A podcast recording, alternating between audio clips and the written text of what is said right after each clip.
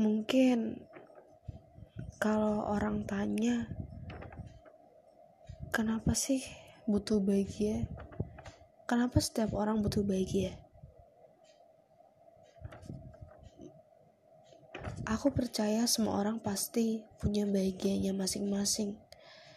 Cuman yang masih mereka butuhkan itu bahagia yang nggak pernah mereka duga sebelumnya kayak kayak bahagia yang nggak pernah terlintas di pikiran mereka. Bahagia yang punya ceritanya sendiri. Cerita buat orang itu sendiri. Iya. Terkadang kita tuh lebih suka hal-hal yang berbau surprise gitu yang bener-bener kita nggak tahu sebelumnya gitu.